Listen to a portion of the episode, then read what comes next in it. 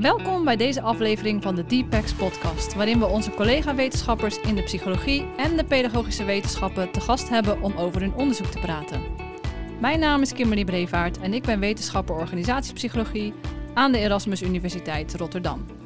Samen met mijn collega Martine Baars host ik deze podcast. Ik ben Martine Baars en ik werk als wetenschapper in de onderwijspsychologie aan de Erasmus Universiteit Rotterdam.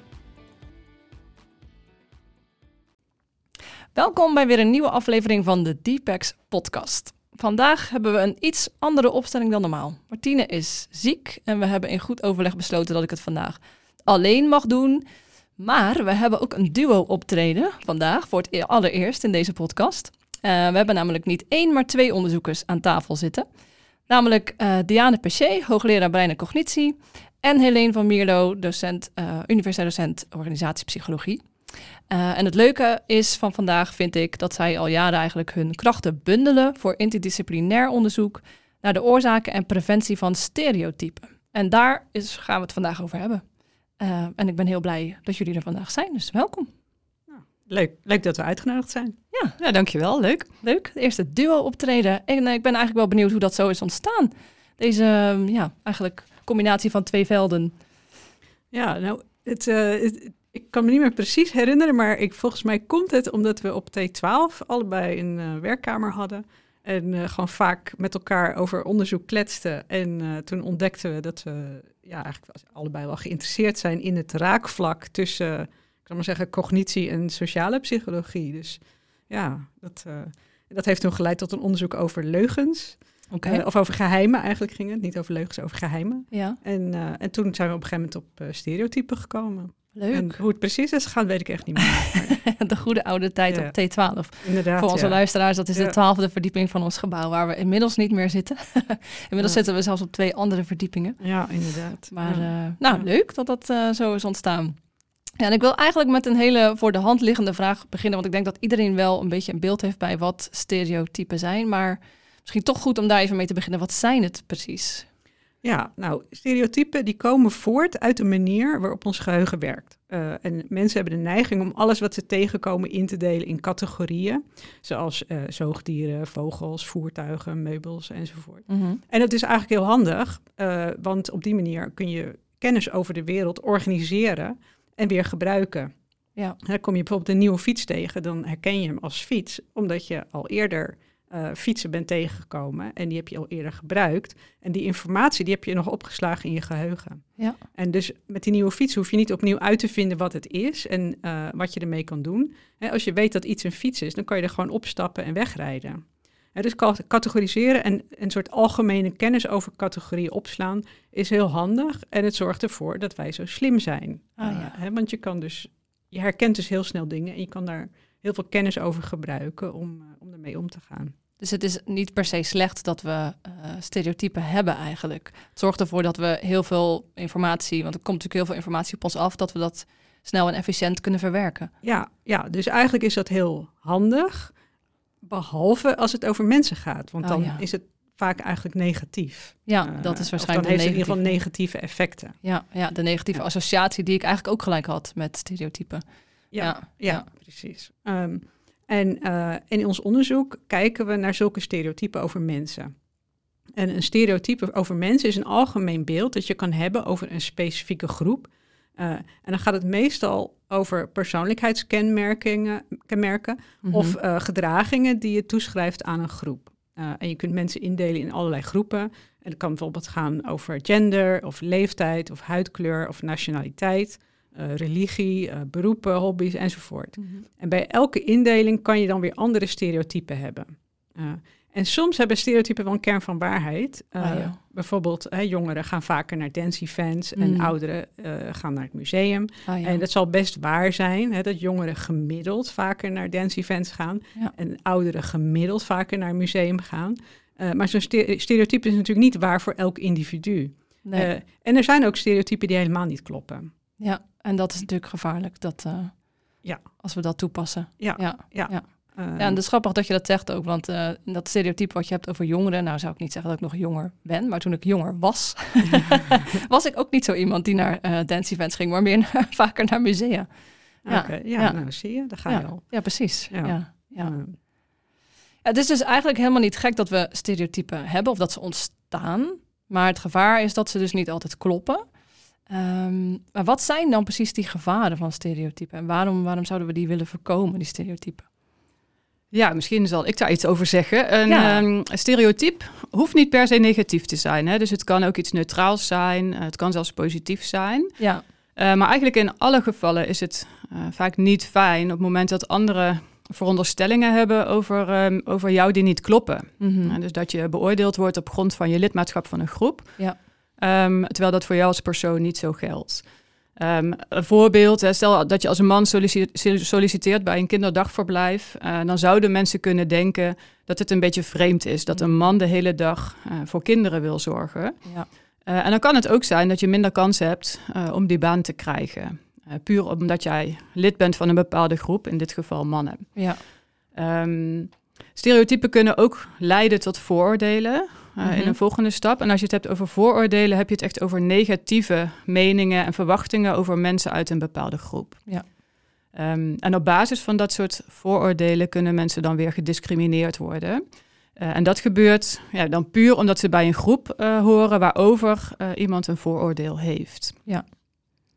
Dus eigenlijk, als je net, dat voorbeeld wat je net noemt, zeg maar, dan discrimineer je zo'n man omdat je dan allerlei vooroordelen hebt en dan eh, ja, misschien niet aanneemt. En dan heb je eigenlijk iemand gediscrimineerd op basis van die vooroordelen. Ja, omdat je niet verder onderzoekt eh, dan het algemene beeld wat je hebt eh, Ja. over mannen in zijn algemeenheid. Ja. ja Ja, ja, ja. klopt. En stereotypen zijn dan extra gevaarlijk, omdat mensen heel vaak niet weten. En dat was voor mij in, in dit onderzoek eh, en in de samenwerking met eh, Diane ook wel een beetje een eye-opener.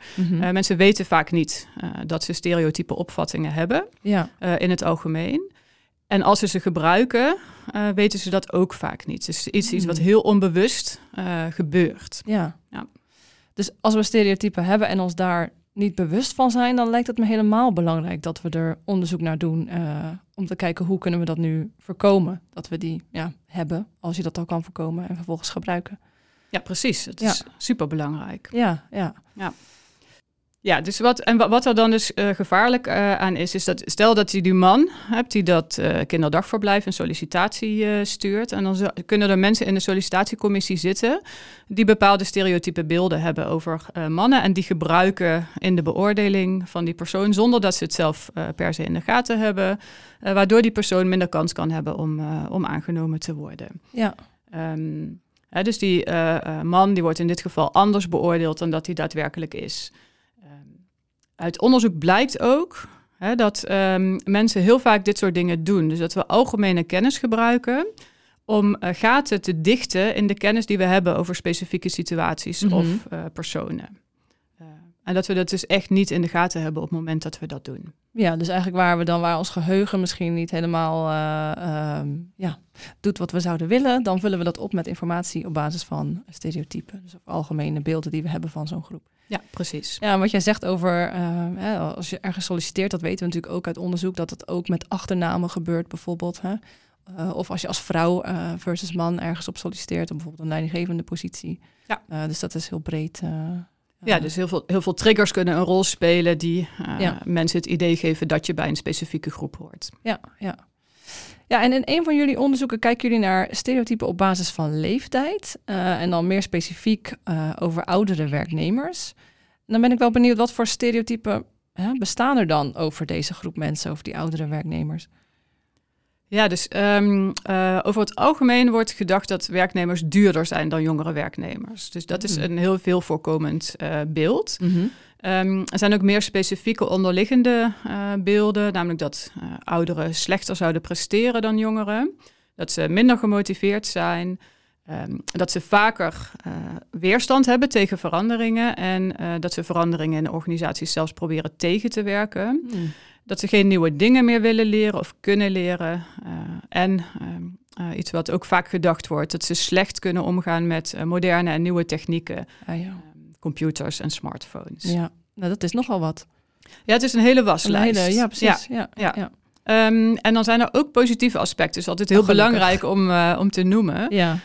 Anders wordt het zo'n negatief verhaal. Maar Ja, er zijn ja. ook allerlei positieve stereotype beelden die met ouderen samenhangen. Bijvoorbeeld dat Vertel. ze loyaler zijn. Oké. Loyaler, ehm, betrouwbaarder en ook minder geneigd om eh, hun werkgever te verlaten en een andere baan te zoeken. Ja. Ehm, maar als je over het algemeen kijkt, hè, dan komt het eh, eh, toch wel negatief uit. Mm. Ehm, en het resultaat is ook, en dat blijkt uit heel veel onderzoek, dat het voor oudere mensen nadelen met zich meebrengt op de arbeidsmarkt. Dus het is Mm. moeilijker om een baan te vinden. Dus die er, er ondervinden er echt negatieve consequenties van. Van die stereo negatieve stereotypen. En in hoeverre kloppen ze, die stereotypen? Ja, nou dat is dus een hele goede vraag. En daar is uitgebreid onderzoek naar gedaan. En dan blijkt dat eh, die stereotypen niet overeind blijven op het Mm. moment dat je daar eh, onderzoek op, eh, naar doet. Ehm, het enige stereotype beeld waar enige ondersteuning voor is gevonden, is dat ouderen iets minder bereid zijn om training te volgen dan jongeren. Maar over het algemeen zeggen jullie dus al die negatieve stereotypen die we hebben, eh, over dat ze meer weerstand tegen verandering of tegen nieuwe technologie, et cetera, dat daar geen bewijs voor is. Nee. Oké. Jullie hebben in, eh, in dit specifieke onderzoek bij stereotypen over oudere werknemers gekeken eh, naar het effect van stereotypen op geheugen. Eh, en daar komt Diana's expertise dan in het verhaal, denk ik. Ehm, door middel van het who said what paradigma. Ehm, ik kende het niet. Eh, kunnen jullie kort uitleggen, of jij misschien Diane, wat dit inhoudt en hoe je dat hebt gebruikt in dit onderzoek? Ja, ehm, dus het onderzoek, het is een experiment. Het bestaat uit twee fases. Mhm. Eh, en eh, dus in de eerste fase laten we deelnemers foto's zien van verschillende personen. En eh, die personen die doen steeds uitspraken. Dus wat, ze, wat je dan steeds ziet op, een, gewoon op het computerscherm is een foto van een persoon met zo'n tekstballon met een, ja. een uitspraak. Ja. En eh, wij hebben allemaal werkgerelateerde onderwerpen genomen, zoals eh, gebruik van techniek, ambitie, werkethiek enzovoort. Oh ja, dat jullie onderzoek doen naar stereotypen over oudere werknemers. Inderdaad. Ja. Inderdaad, precies. Ehm, nou, en mensen krijgen dan dus steeds één zo'n één zo'n persoon te zien. En dan kijken ze een tijdje naar en dan krijgen ze de volgende. En het lijkt een beetje op eh, zoals een discussie op sociale media eruit ziet. Oh, dus ja. mensen zeggen gewoon om de beurt wat, zeg maar. ja, precies. Eh, nou, elke persoon die komt een paar keer terug met steeds een nieuwe uitspraak. Oké. Nou, in dit specifieke geval zijn er dan acht personen. En die personen zou je dan in twee groepen kunnen indelen. Mhm. Eh, dus bijvoorbeeld vier ouderen en vier jongeren. Oké. En zo wordt het niet gepresenteerd, maar zo Op basis van de foto's. maar op basis van de foto's zou je, Ja. dat, zou je dat kunnen doen. Ja. Ehm, en ehm, eh, die deelnemers die krijgen dus in totaal zijn er 48 uitspraken. eh, dus ze, komen allemaal zes keer terug. Ja. En, ehm, en die uitspraken die zijn dan vaak stereotyp voor een van die twee groepen. Voor jong of oud. Ja. Ja. Eh, en als je nou kijkt naar elke persoon, die doet Mhm. steeds evenveel uitspraken die stereotyp zijn voor, voor zijn of haar eigen groep. Mhm. Eh, en voor die andere groep. Dus een, bijvoorbeeld een jongere, die doet dan bijvoorbeeld drie uitspraken die stereotyp zijn voor jongeren en drie eh, uitspraken die stereotyp zijn voor ouderen. ja. En dus die ik- ouderen doen dat ook. En die ouderen ook, ja, Ja, dus allemaal. ja, ja. Eh, dus in werkelijkheid zijn ze niet stereotyp, Nee, die personen. Nee. Ehm, in wat ze zeggen zijn ze niet stereotyp. Ja. Nou, en dan eh, hebben de deelnemers hebben al, die, eh, al die uitspraken gezien. Mhm. Eh, en dan in de tweede fase van het onderzoek krijgen ze een onverwachte geheugentest. Oké. En ehm, eh, even kijken hoor. Dan krijgen ze steeds een uitspraak te zien. Mhm. En dan moeten ze zeggen, zat deze uitspraak daarnet in die discussie? Ja. Dus herkennen ze gewoon de, de Zat hij uitspraak er überhaupt zelf. in? Ja. Ja. Ongeacht van wie het Ja. zei? Ja. Ja. En dan vervolgens, als ze zeggen ja, die zat erin, dan moeten ze zeggen van wie van die acht personen eh, zei dat. Oh ja. Ehm, en eh, dus dat is eigenlijk waarom de taak zo heet, hoe zet wat. Dus Ja, wie, ja. wie zei wat. Ja, Eh, ja, ja. En dan is het moeilijk, omdat ehm, dezelfde personen... Of heeft iedereen die uitspraak dan gedaan? Of een aantal van die personen hebben die uitspraak gedaan? Dus elke, elke uitspraak wordt maar één keer gedaan. Oh, elke uitspraak wordt wel maar één keer gedaan. Oké, oké, ja. Ja. Dus het is wel Ja. terug te le- leiden tot één persoon. Ja, Dus het, goede is, antwoord is... eh, In theorie ja, is het precies. mogelijk om het helemaal goed ja, te doen. Ja. Maar het is een ontzettend moeilijke taak. Eh, en de deelnemers maken ook heel veel fouten daarin. oh ja. Ehm, en dat is ook de, de bedoeling want voor ons. Ja. eh, want wij zijn geïnteresseerd in welke fouten mensen maken. ja, tuurlijk. Ja. ehm, en als het heel makkelijk is, dan worden er sowieso geen fouten gemaakt. Ja, als Ja, iedereen precies. zich perfect herinnert, dan kunnen we niks onderzoeken. Nee, nee. Nou, en uit ons eh, onderzoek blijkt dat als mensen een verkeerde persoon aanwijzen, dus eigenlijk Mhm. niet meer weten wie het zei, Ja. dat ze dan vaak iemand uit diezelfde groep aanwijzen.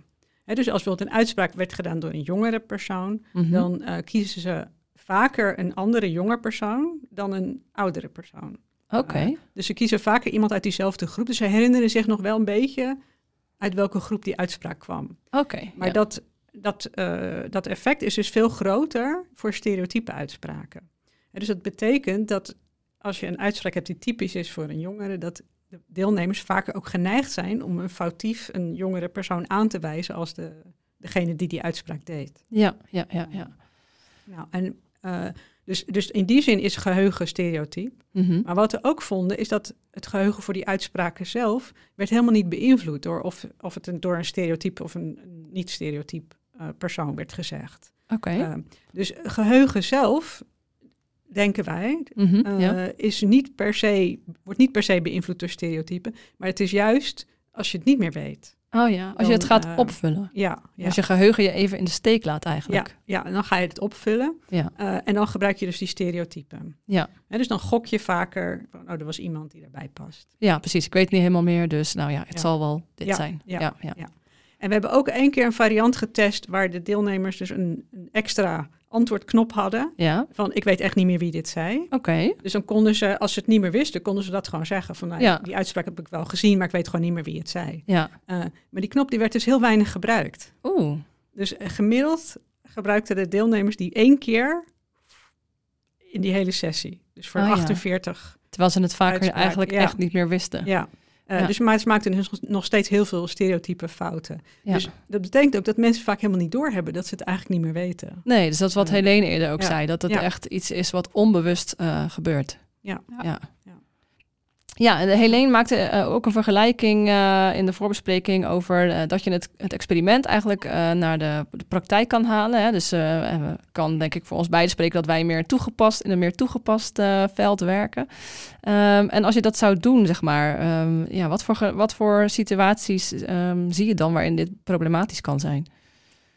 Nou, één situatie die denk ik voor veel mensen bekend is, is het situatie waarin een leidinggevende verschillende eh, werknemers moet beoordelen. Ja, Ehm, de dus- beoordelingsgesprekken die er weer Precies. aankomen nu. Ja, Ja, ja. ja. zo'n situatie. En in zo'n situatie moet een leidinggevende eh, de beoordelingen baseren op eh, vaak een combinatie van allerlei gegevens. Ja. Dus die gebruikt ge- concrete, objectieve gegevens, Mhm. maar ook dingen die de leidinggevende probeert zich te herinneren of zich denkt te herinneren. ja. Eh, en het is heel goed mogelijk dat er dan ook van dat soort gaten in het geheugen ontstaan, die de leidinggevende opvult eh, met algemene kennis, eh, die stereotyp kan zijn. Oh ja, ja, dat is helemaal niet gek. Want als je als leidinggevende meerdere mensen moet beoordelen over een heel jaar... en je bent ook niet overal bij geweest... dan is het natuurlijk ook best moeilijk om je alles heel accuraat te herinneren. Zeker. Ja, ja. Ja.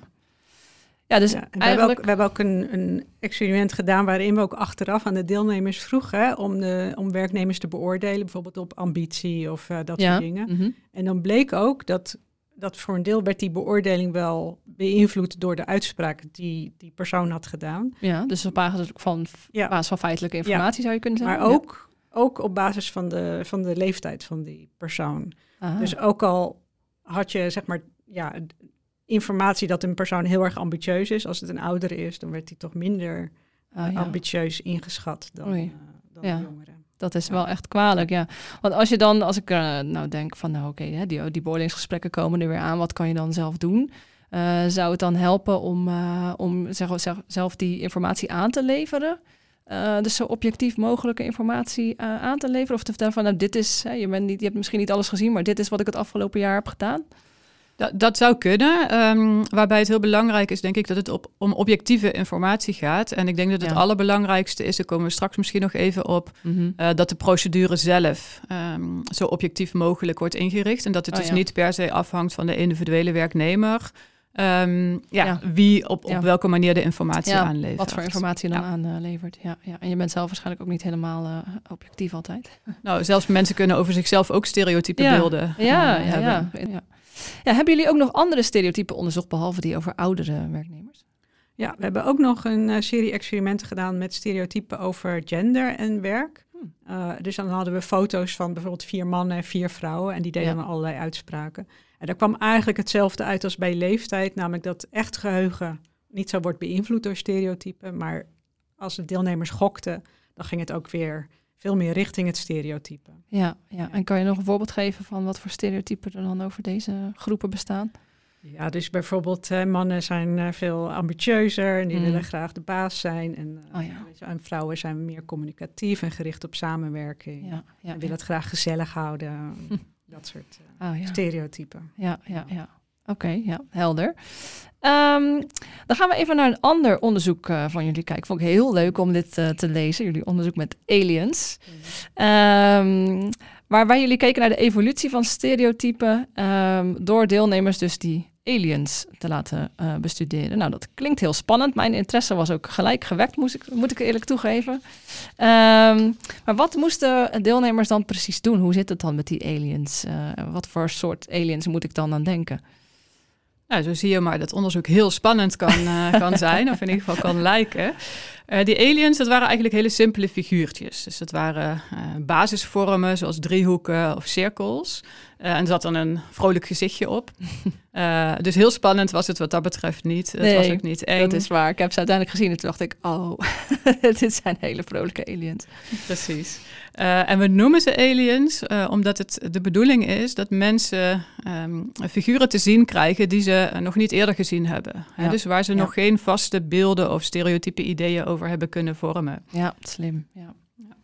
Ehm, en op die manier kan je dus kijken echt naar de ontstaansgeschiedenis van eh, stereotypen. Ja, dan ben je er eigenlijk vanaf het begin af aan bij. Precies. Ja, Ja. ja.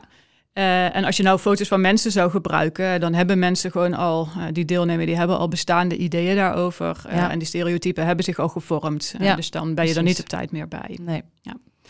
Eh, nou, hoe ging dat dan? Die aliens die hadden allerlei vormen en kleuren. En eh, op die manier konden ze in groepen worden ingedeeld. Een Ja. beetje net als in het Who Said What eh, paradigma. Ja. Eh, dus je had bijvoorbeeld de rode aliens. Ja. of de driehoekjes. Ja, ja, ja. Ehm, en van elke alien kreeg de deelnemer dan eigenschappen te zien. ja. Dat kon van alles zijn. Dus getalenteerd, vriendelijk, ambitieus. Oh, ja.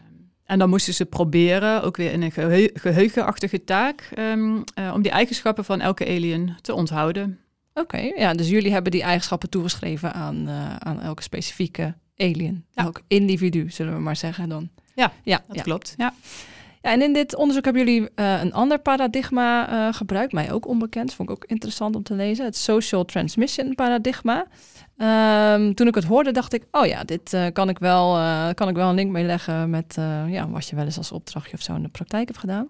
Maar kunnen jullie eens uitleggen wat het is en hoe jullie dit hebben gebruikt? Ja, en nou, social transmission, dat houdt in dat eh, deelnemers in het onderzoek informatie aan elkaar doorgaven. Mhm. Uh, een beetje zoals een telefoonspelletje, waar je een, Ja. een boodschap doorgeeft uh, via een keten van mensen. Mhm. En dan aan het eind van die keten is de boodschap vaak helemaal anders dan, uh, aan, dan aan Hoe die het starten. begin. Ja, ja. Uh, en in ons onderzoek gaven we dus de, de, ja, de herinnerde eigenschappen per alien door aan de volgende deelnemer. Dus de eerste, Oh ja. de eerste deelnemer kreeg gewoon een willekeurige set van eigenschappen bij elke alien. Dus dat werd gewoon random toegewezen. Ja, dus dan Eh, kreeg je random van nou deze is vriendelijk of verlegen of ambitieus. Of, ja. Ja, en dus er zat helemaal geen systeem in of Nee. zo. Uh, en dan wat die persoon zich herinnerde, die deelnemer, wat die Mhm. zich herinnerde van die aliens, dat werd dan weer doorgegeven aan de volgende deelnemer aan het, onderzoek. Dus dat, Ja. werd dan, dat werden dan de eigenschappen die zij weer moesten leren Ja. bij die aliens. Ja. Um, nou, en daar kregen zij dan ook weer een geheugentest over. Nou, en waarom hebben we dat zo gedaan? Uh, dat, door dat doorgeven zijn er mensen maken bepaalde systematische fouten Mhm. in, in hun geheugen. Ja. En, en die worden dan eigenlijk uitvergroot. Oké. Dus in dit geval is de social transmission taak niet per se bedoeld om te kijken naar communicatie tussen mensen. Nee, zo het- wordt het vaak gebruikt natuurlijk. Ja. Ja, maar deelnemers wisten ook helemaal niet dat dit gebeurde. Oh, Dus een, een proefpersoon, een, een deelnemer aan het onderzoek zat gewoon ja, zelf achter de computer naar die aliens te kijken. ja. En die wist niet waar die informatie vandaan kwam. En die wist ook niet dat wat hij of zij er zich dan herinnerde, dat dat dan weer zou worden doorgegeven. Ja, dus de informatie die zij gaven, die werd weer Ja. doorgegeven, maar dat wisten zij niet. Ja, ja. Ja, ja, dus, eh, dus ze hadden het niet door. nee. Uh, maar we gebruiken dus meer als een soort vergrootglas hè, om te kijken van wat voor fouten maken mensen en uh, ja, hoe, Hoe worden die doorgegeven? ja, worden die door. Ja, dat.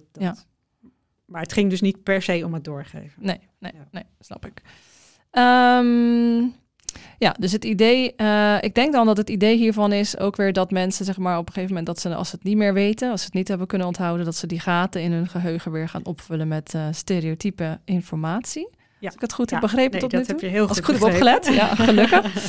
Ehm, ja, wat, wa- wat vonden jullie? Wat waren de bevindingen? Ja, dus, dus aan het begin, hè, de eerste deelnemer in een keten, die kreeg dus willekeurige eigenschappen bij elke alien. Mhm. En aan het eind van de keten waren dan stereotypen ontstaan. Oké, dat, Eh, dat zagen jullie. Ja, en dat kan je zien. Dus als je kijkt naar de aliens met dezelfde kleur of met dezelfde vorm, dan kan je Mhm. vergelijken van nou, welke eigenschappen hebben ze en hoeveel hebben ze er eh, gemeen. Ja. En eh, wat je dan ziet is dat de deelnemers zich vaak dezelfde eigenschappen herinneren bij aliens die bijvoorbeeld dezelfde kleur hadden. Oh ja. Eh, Terwijl dat niet per se zo was. Nee, nee. Nee. Dus, eh, dus als je gewoon, je kan gewoon het, en je kan het hele verloop dan zien, hè, van, van, ja, we noemen dat dan generaties van, van de deelnemers. Dus Ja. de eerste deelnemer had het dan veel minder Ja. dan de tweede, en de tweede had het dan Oh ja, hoe dat erger wordt. ja. Ja, ja. ja. En eh, nou ja, goed, je kan je, ik kan je wel iets bij voorstellen, hè, van als je aan, de, aan het begin van de keten bijvoorbeeld één rode alien verlegen was, Mhm. eh, en dan krijg je opeens een geheugentest. En er waren eh, negen verschillende aliens met elk zes eigenschappen. Dus je moet Ja. veer- meer, dan, meer dan 50 combinaties van alien en eigenschap onthouden. Ja, dat is gewoon niet te doen. Dat kunnen we eigenlijk Ja. niet. Ons geheugen kan Ja. dat niet. Nee. Nee, ik heb het zelf geprobeerd en het is echt onmogelijk. en jij hebt een heel goed geheugen. Wow. Nee, dus ja, eh, wat je kan voorstellen is dat er aan het begin is er een keer één rode alien die is verlegen. En Mhm. dan aan het eind krijg je een geheugentest. En dan krijg je een rode alien te zien. En je weet eigenlijk helemaal niet meer wat, wat nou de eigenschappen waren van die alien. Ja, Je, je kan je misschien nog herinneren dat die andere rode alien verlegen was. Dan, ja, dan heb je misschien de neiging om dat dan te gokken. En dat is ook Ja. wat je ziet, hè? dus dat dat dan steeds sterker wordt. ja. Dus des te meer informatie je moet onthouden, Ja. des te moeilijker dat wordt en des te meer je dat gaat opvullen met eh Ja. stereotype Ja. beelden. En het, en het gevolg daarvan is ook dat het makkelijker wordt. Dus want als er meer aliens op elkaar lijken en ook als je daar Ja. dezelfde antwoorden kan geven, dan wordt de taak ook makkelijker. Dus je ziet dat, zeg maar, naarmate mensen verder in die keten zitten, Mhm. gaan ze meer in stereotype antwoorden geven. Maar ze, zijn ook vaker, ze doen het ook vaker goed, omdat die vorige eh, input van die vorige eh, deelnemer, dat is ook al meer stereotype. Dus het wordt gewoon makkelijker ook om te onthouden. Ja, dus dat is wat je in het begin eigenlijk zei, het voordeel, waarom we ze überhaupt hebben eigenlijk, waarschijnlijk. Eh, Ja, Omdat we dan makkelijker kunnen categoriseren. Ja. Ja, Ja. ja, ja. Nou ja, en in het echte leven krijg je ook voortdurend meer informatie binnen dan je zou kunnen onthouden. ja dus zeker. dat is, dus als, ik, als ik mensen vertel dat ik onderzoek doe naar geheugen, dan is meestal het eerste wat ze zeggen van, oh, ik ben heel slecht, uh, ik heb heel slecht, ik zou een slechte deelnemer zijn in je Oh onderzoek, ja. Mhm. of juist een goede deelnemer, want heel slecht. En het tweede is dan dat ze vragen van, ja, hoe kun je je geheugen verbeteren? Ja, Uh, nou, en wat er in onze experimenten gebeurt, lijkt wat dat betreft dus wel op wat er gebeurt als je met mensen omgaat. Dus voor een deel zal je van allerlei mensen wel een beetje weten hoe ze zijn, maar je vergeet ook veel. En dat vul je dan aan door te gokken.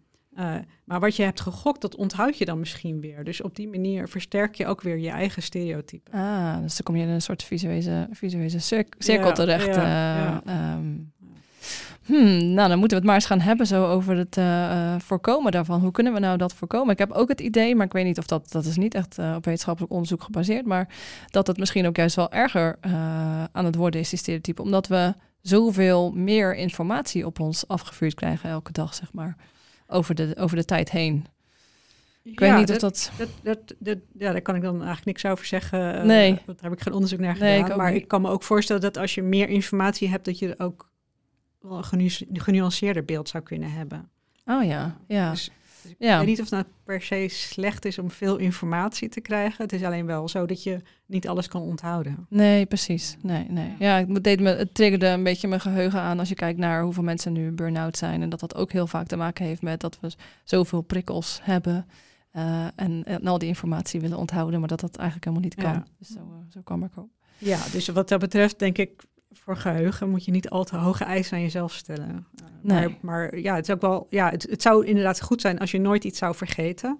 Uh, en dus nooit zou hoeven te gokken hoe iemand Ja. is, hè, dat je het altijd weet. Een soort fotografisch geheugen. Ja, ja maar Ja. Ik, ik denk persoonlijk niet dat het haalbaar is. Nee, Uh, dat, dat, dat geloof ik zou gelijk. mooi zijn. ja, dat zouden we allemaal wel willen. Ja. Maar je hebt vast wel wat tips over wat we dan eh, misschien wel kunnen doen voor de, om, om stereotypen te voorkomen. Ja, nou, ik denk dat het in ieder geval goed is om, eh, om te weten dat het, eh, dat het vaak het gevolg is van je geheugen en het niet goed werken van je geheugen. Eh, en over het algemeen is het juist handig om algemene kennis te hebben over categorieën. Mm. Ehm, hè, dus, dus zoals ik al in het begin ook zei, je kan daardoor veel beter omgaan met nieuwe situaties. Nou, maar om te voorkomen dat je dat bij mensen gaat gebruiken, dan eh, zou je eigenlijk moeten voorkomen dat je mensen indeelt in categorieën. Maar dat Ja. je ze gewoon ziet als, eh, als mensen, niet als eh, een ja, lid van een categorie op basis van leeftijd of huidkleur of, of gender. Het zijn vaak helemaal geen relevante eigenschappen waarop we worden ingedeeld. Nee, het is soms zo makkelijk, hè? Om, Ja. eh, als je iemand, eh, weet ik niet, ja, een groep mensen, oh weet je nog, die ene persoon, als je diens naam niet weet, weet om, het, om iemand dan te omschrijven in termen van man, vrouw, eh, huidskleur, nou ja, al dat soort dingen. Ja, ja, dus natuurlijk Ja. dat wat je, als je iemand in een groep moet aanwijzen, is natuurlijk zijn Ja. uiterlijke kenmerken wel heel makkelijk. Maar je moet niet op basis daarvan denken dat je iets over de persoonlijkheid of over de kwaliteiten van zo iemand kan Ja. zeggen. Ja, ja. Dus je zou eigenlijk moeten proberen om mensen zoveel mogelijk te zien als individuen en niet als bijvoorbeeld een 30-jarige vrouw met een donkere huidkleur. Mhm. Ja. Ehm, maar goed, je moet natuurlijk ook wel oppassen dat je diversiteit niet negeert, want dat leidt dan ook weer tot andere problemen.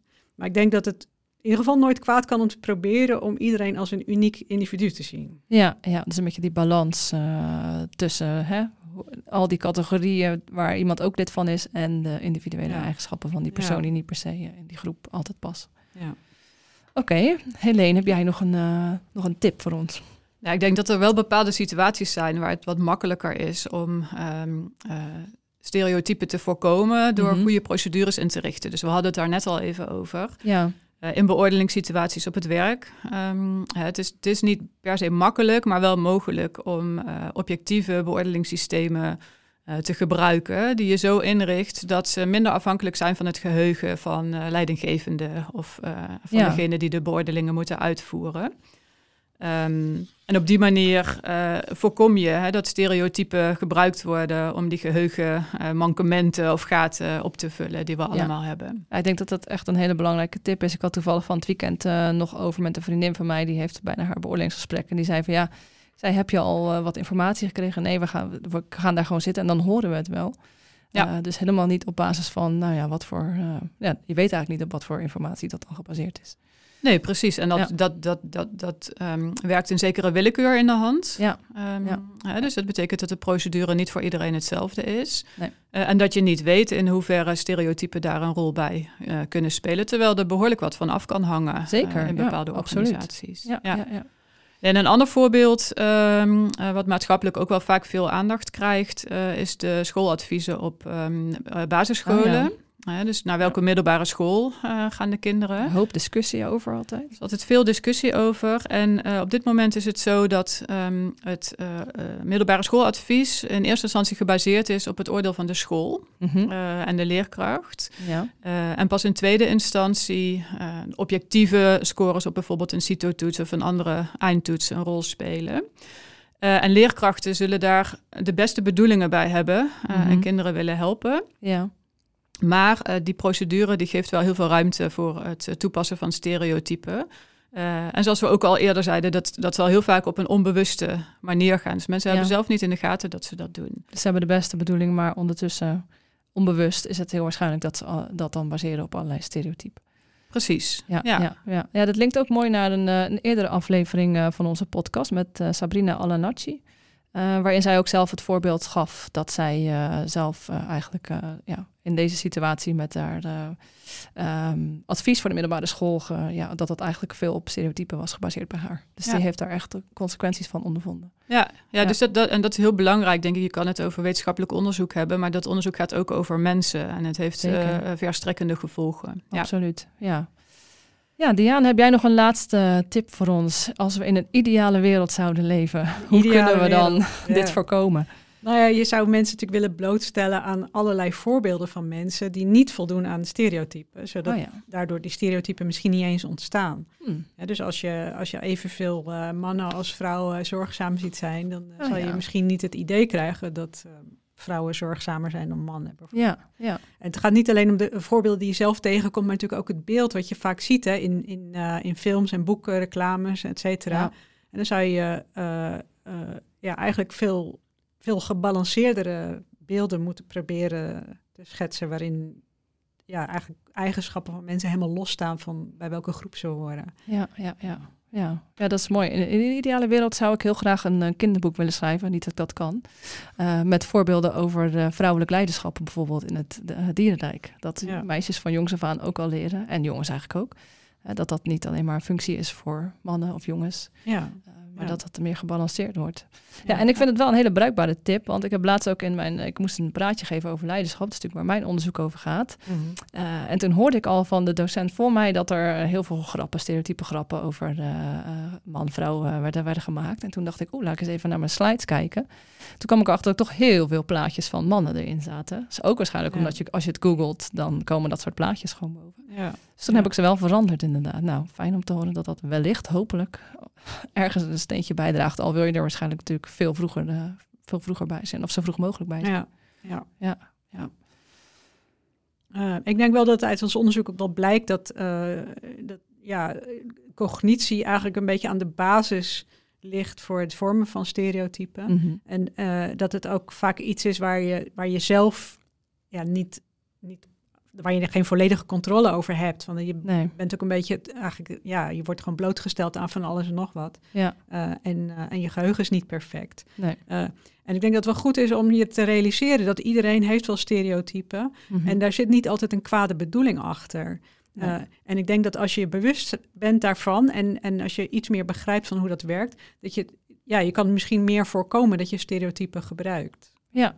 Maar Ja. ik denk dat het ook wel ja, goed is om je te realiseren dat mensen niet altijd expres doen. Nee, nee, want anders dan ontstaan er soms, dan wordt er zo met een vingertje gewezen en dan kom je Ja. eigenlijk ook nergens, want dan eh, Ja, raken mensen ja. een emotie. En- ja dus ik zeg niet dat het goed is, maar Nee, maar het is niet per se. het heeft geen kwade bedoeling, we doen het vaak onbewust. Ja. Ja. Nou ja, het luisteren naar deze podcastaflevering met alles wat jullie verteld hebben, lijkt me in ieder geval een mooie eerste stap om je ervan bewust te worden dat stereotypen vaak onbewust zijn en dat je daar zelf eigenlijk eh, ja, eh, stappen in moet zetten om, dat, eh, om daar iets aan te veranderen. Dus ehm, ja, ik wil jullie hartstikke bedanken. Ik vond het een, eh, een heel leuk en interessant gesprek, een mooie samenwerking van ja, wellicht wat meer fundamenteel onderzoek naar het brein en meer toegepast onderzoek eh, op het werk bijvoorbeeld. Dus eh, dank jullie wel. Dankjewel. Heel leuk om te doen, dankjewel. Ja, gelukkig. Ja, ik was ook benieuwd hoe zo'n duo-interview zou zijn, maar dat was eh, heel leuk. Moeten we vaker doen. ja. nou, nogmaals eh, hartelijk bedankt ook namens Martine. Eh, die vond het erg jammer dat ze er vandaag niet bij eh, kon zijn, maar ze gaat vast luisteren. We vragen... Hopelijk is het snel weer beter. Ja, laten we dat inderdaad ook hopen. Ehm, ja, we vragen onze gasten eigenlijk als afsluiter altijd nog of ze zelf een tip hebben voor een leuke podcast. Er zijn al heel wat leuke tips voorbij gekomen. Ik ben benieuwd, hebben jullie nog een tip? Die laat ik graag aan Diane over, want ik ben een beetje te oud om podcasts te luisteren. Zoals je kan zien ben ik natuurlijk veel jonger dan jij. Mooi stereotype, eh, stereotypering ja. hier doorbroken over jullie leeftijdscategorie. De luisteraar kan natuurlijk niet zien eh, hoe oud Nee, zijn. precies. Kunnen even googlen. Ja. maar eh, nee, ik, nou, wat ik recent heb ontdekt is You're Dead to Me. Oké. Eh, dat is een eh, Engelstalige podcast van Klinkt de BBC. ja, eh, maar het gaat over geschiedenis. Oké. Eh, en eh, ja, ik vind het leuk omdat ik eh, altijd heel slecht was in geschiedenis op school. Ik Dus ook, eh, ja. ik- alles is altijd nieuw voor mij. maar, eh, maar in dat eh, programma zijn er altijd twee gasten. Dus een, een historicus en een eh komiek. Oh, En die plaat- praten dan over een of andere gebeurtenis of verschijnsel of zo uit de geschiedenis. En die komiek is vaak iemand die, ja, net als ik, eigenlijk ook geen flauw idee heeft eh, van, van de geschiedenis. oh ik dacht dat, je die- nu, eh, dat ik nu een, eh, een hele com- comedy site van jou ging leren kennen. Dat je zoiets ging zeggen. oh, nee, Net als ik staat hij elk weekend Oh. op het podium. ja, wie Nee. weet. Nee. Maar, nee, maar, dus, maar omdat die komiek dus eigenlijk niks van af weet en er dan Ja. allerlei commentaar op eh, geeft, is Oh, het, ja. eh, levert het toch gewoon een heel leuk en, en ja, interessant gesprek. Ja. Eh, en eh, nou ja, ze behandelen dan ja, typische geschiedenisonderwerpen zoals eh, koningen en revoluties en dat Mhm. soort dingen. Maar ook eh, dingen die je niet op school kreeg, zoals de geschiedenis van hoge hakken of eh, chocola. Of zo. Nou, nu wil ik zeker luisteren. Ja. Jij, Helene? Ja, nou, misschien, Misschien je eh, eerste misschien podcast. krijg je dit maar wel in de podcast. De geschiedenis van hoge hakken of chocola. Nou, daar ben ik wel benieuwd naar. Goeie tip. Leuk. Dat gaan we doen. Dan wil ik ehm, jullie nogmaals bedanken. Ik wil ook onze luisteraars bedanken voor het luisteren naar deze aflevering van de Deepex podcast. Eh, zoals jullie inmiddels weten kun je deze en andere afleveringen vinden via je favoriete podcastplatform. En wil je automatisch op de hoogte gebracht worden van nieuwe aflevering, dan kan je, ons ook, dan kan je je ook abonneren op ons kanaal of volg ons op onze pagina de Deepex podcast op LinkedIn.